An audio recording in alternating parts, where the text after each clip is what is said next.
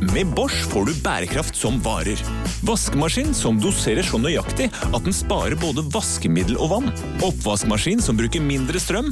Og kjøleskap som gjør at maten holder lenger. Slitesterke produkter som verken sløser med vann eller energi.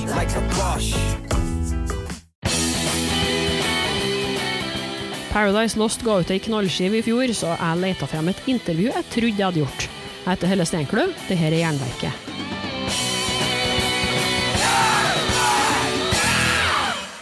Men du, før intervjuet er det noe jeg må si. For det er ikke gratis å lage Jernverket, så hvis du vil støtte produksjonen av programmet, er det helt genialt om du vil donere et par slanter.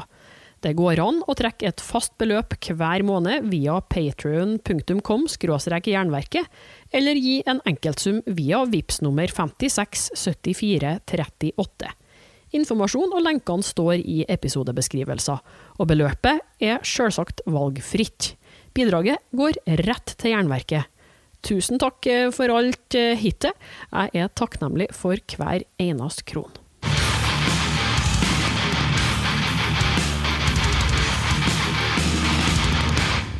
Jeg syns det var litt rart, sjø, for jeg bruker å huske på alle intervjuene jeg har gjort. Men så dukka det opp et med Paradise Lost fra 2009 i arkivet. Jeg tenkte nå at eh, ja, jeg husker ikke på det, men vi kan jo sende det likevel. Det er jo gammelt. Men eh, siden Obsidian-plata deres ble kåra til fjorårets fjerde beste av jernverkelytterne, så er det jo litt aktuelt likevel.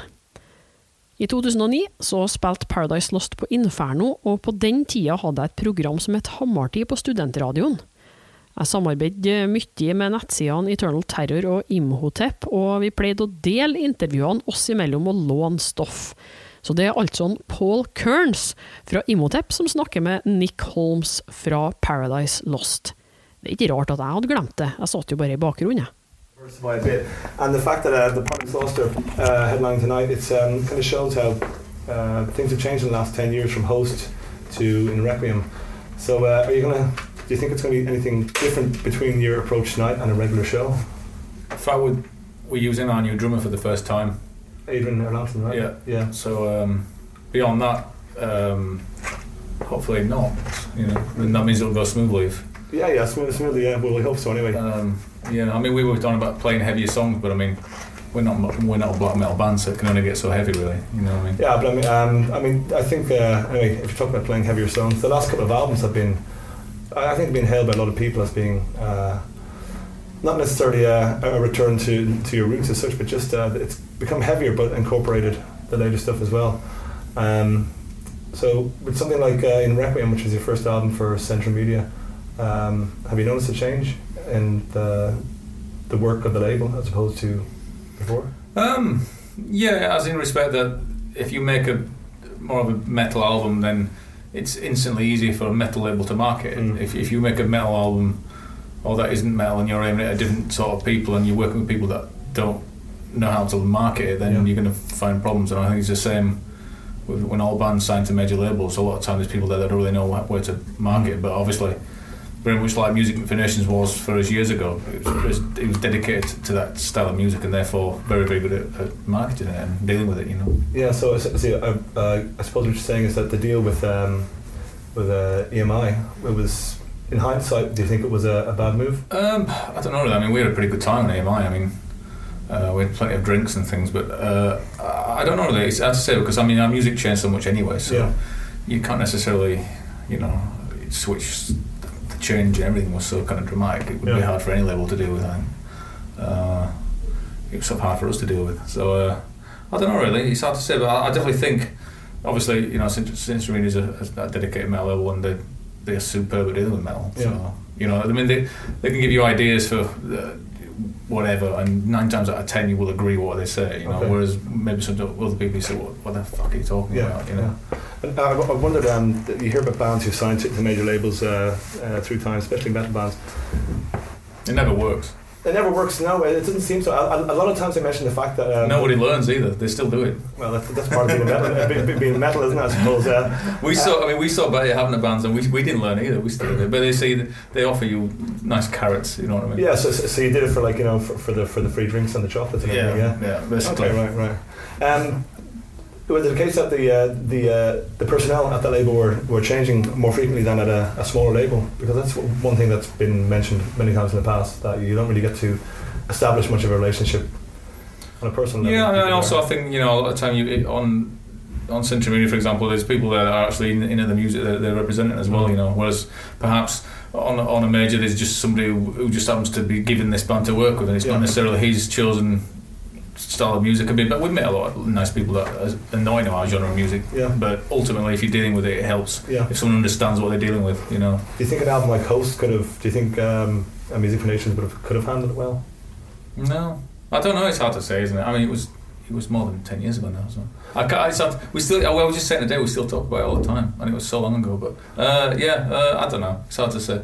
I think it's a bit of a lost classic, you know. So I was always. Well, I, I still think it's a good album. You know, I'm, I, I still don't shy away from. I mean, I think it's a great record, but it's not a metal album. That's the, that's the no, that's whole not. thing here. Really. And of course, um, you know, if you have a metal fan base, they can be not the most broad-minded of people sometimes. So uh, it, is. Well, I, I'm included in that. I mean, especially when I was younger, I Yeah. hated anything that didn't Mm. have guitars. So. Um, but now, especially the, the last three albums um, from uh, Symbol of Life and Chase the Gun, things have uh, become steadily kind of.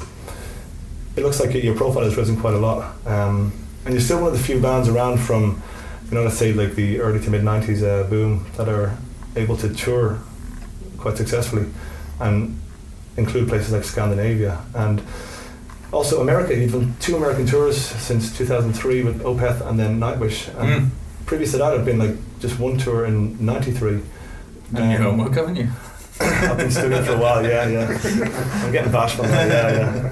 Um, so, um, He's I a mean, nerd. When Yeah. it comes to that. but was that something conscious for you to, uh, to, to to go for the American market? I mean, obviously, um, because I heard you say before that the experience in '93 wasn't your most uh, pleasant. No, I mean it, it wasn't because we weren't used to going away from home for that long, uh, and going to America is, is I mean, you know, they, they might speak English, but you feel, you feel far away from home really Okay, yeah. if you're not used to going there. And I mean, now, it, ironically, now it's not, it's great. I love going to America. I actually love, love visiting there, but um, at that time we were quite young and we kind of didn't really understand it, how things worked, and Right. plus we were all like very vegetarian and that, no one had even heard of that in America at that time and you couldn't eat anything so therefore you were in a shitty mood constantly So, so, so that tour. I mean, if I remember correctly as well, you did that tour and. The, the show that you filmed in uh, the Longhorn in Stuttgart was that directly after that tour, more or less. I can't remember Okay, okay. I can't remember I just lost lots of weight that's all I remember Ah, it suits you. it suited you then, thank, yeah, you, yeah. thank you sir Ah, no problem. um,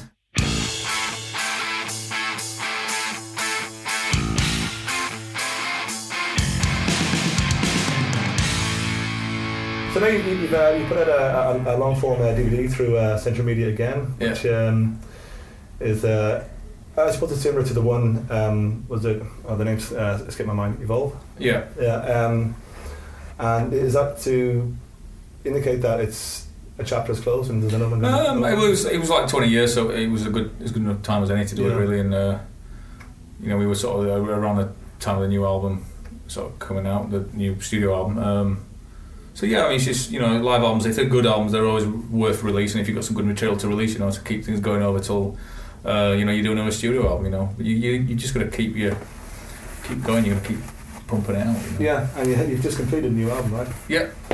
In uh, Sweden, so you had a Swedish session drummer on that. You've got a new Swedish drummer now. Yeah. Maybe there's something in that. I don't know. But um, so you're There's some good drummers in Sweden. yeah, there must be. Yeah, um, you're happy. Um, obviously, you're happy, and you probably would say you were if you weren't. I'm just joking. The album. Uh, anything? Any big difference from from in Requiem? Um, it's a lot heavier. it is. Yeah. Yeah. yeah. Uh, it's. Uh, it's. I think people would be surprised at how heavy it actually is at times. Yeah. Uh, I mean, it's. It's certainly not a death metal album, but it's as heavy as, you know, anything I can think of as being heavy. It's very, very metal. Yeah. Yeah. And it's um, it's it's going to be released when? I haven't actually heard. September. September. Okay. Yeah.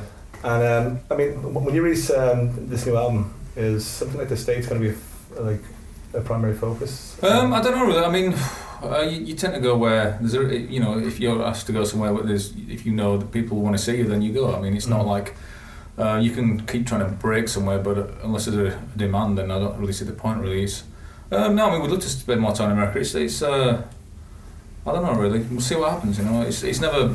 in the past, we've uh, around well, sort of the mid '90s, we could have had more chance in America, which we didn't. We just Yeah. concentrated on Europe a lot more, uh, and that's probably cost us a lot now because we're pretty much under on quantity in, in the states to a, to a certain degree. Yeah.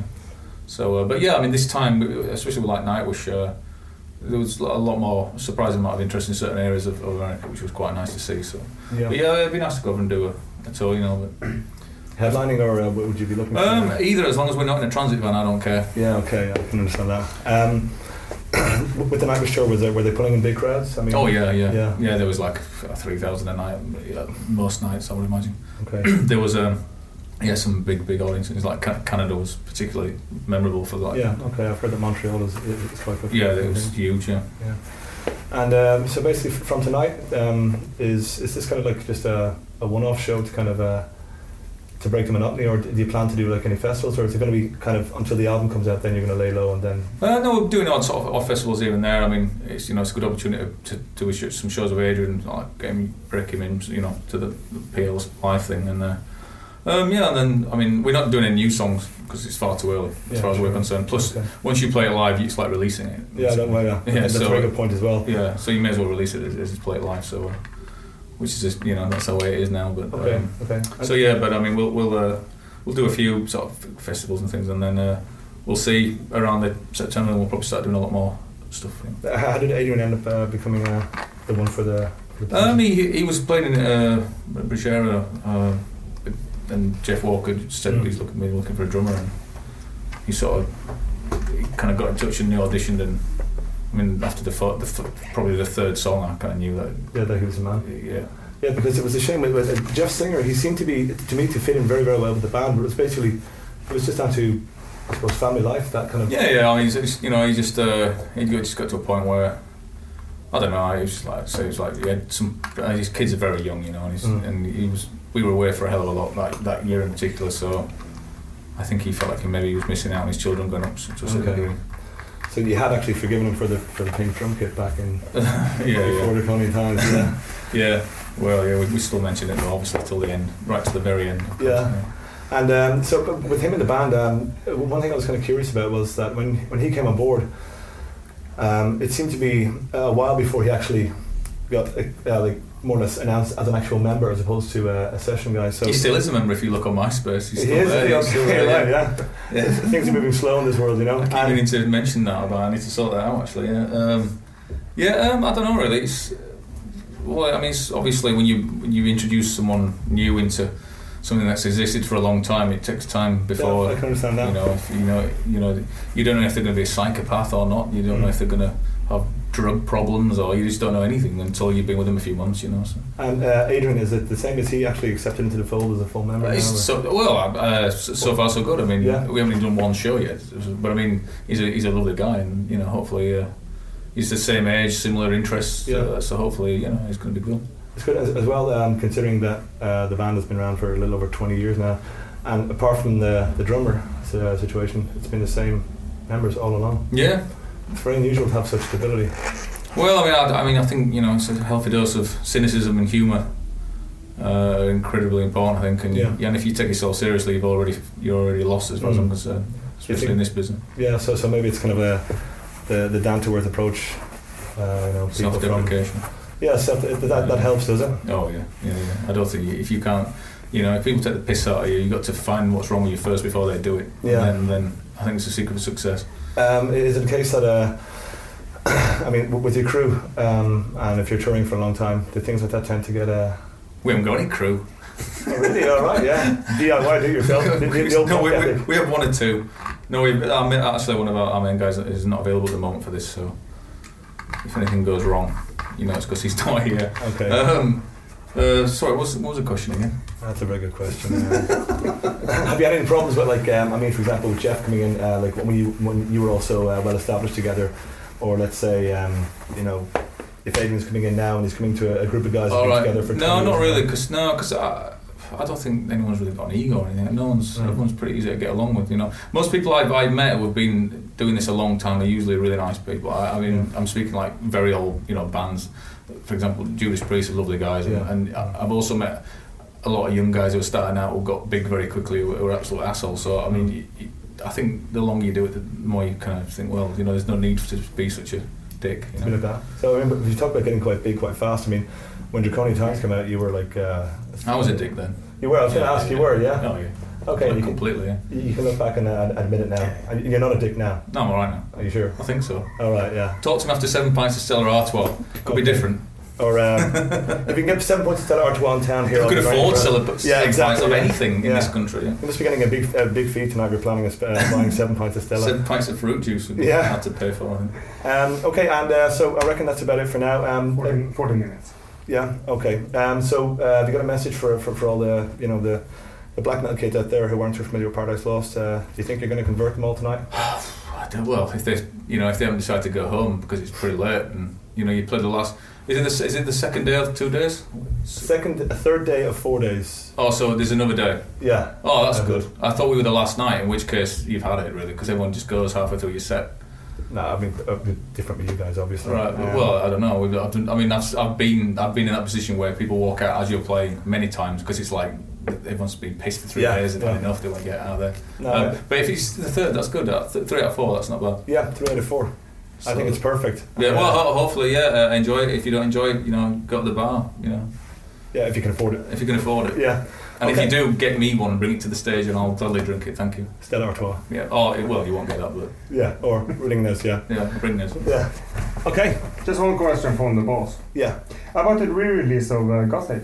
Any words on that, and did you have any impact on that one? Um, I wrote. Yeah, I wrote. A, my impact on that was I wrote a little thing for the um, at the recording of the album, which was quite humorous and. Uh, but uh, it's pretty much, you know, uh, one of those. Let's re-release Gothic. We're re- we're re-releasing Gothic. Oh, wait, all right, okay. But Okay. there was an actual DVD, I think. There was a DVD. Yeah. I'd never got sent a copy. I don't know. I've still got vinyl in my cellar, but Yeah, see, I don't know. I had the red wine on myself. I did not have it on CD, so I have to thank you for that. all right. Yeah. It's okay. Uh, that's why it was re-released, actually, wasn't it? For him, yeah. yeah. Cheers. All right. You all right, boss? Yes, perfect, perfect. So informed. So informed. Hey, uh, at last, could you please make a jingle for my radio show? Okay.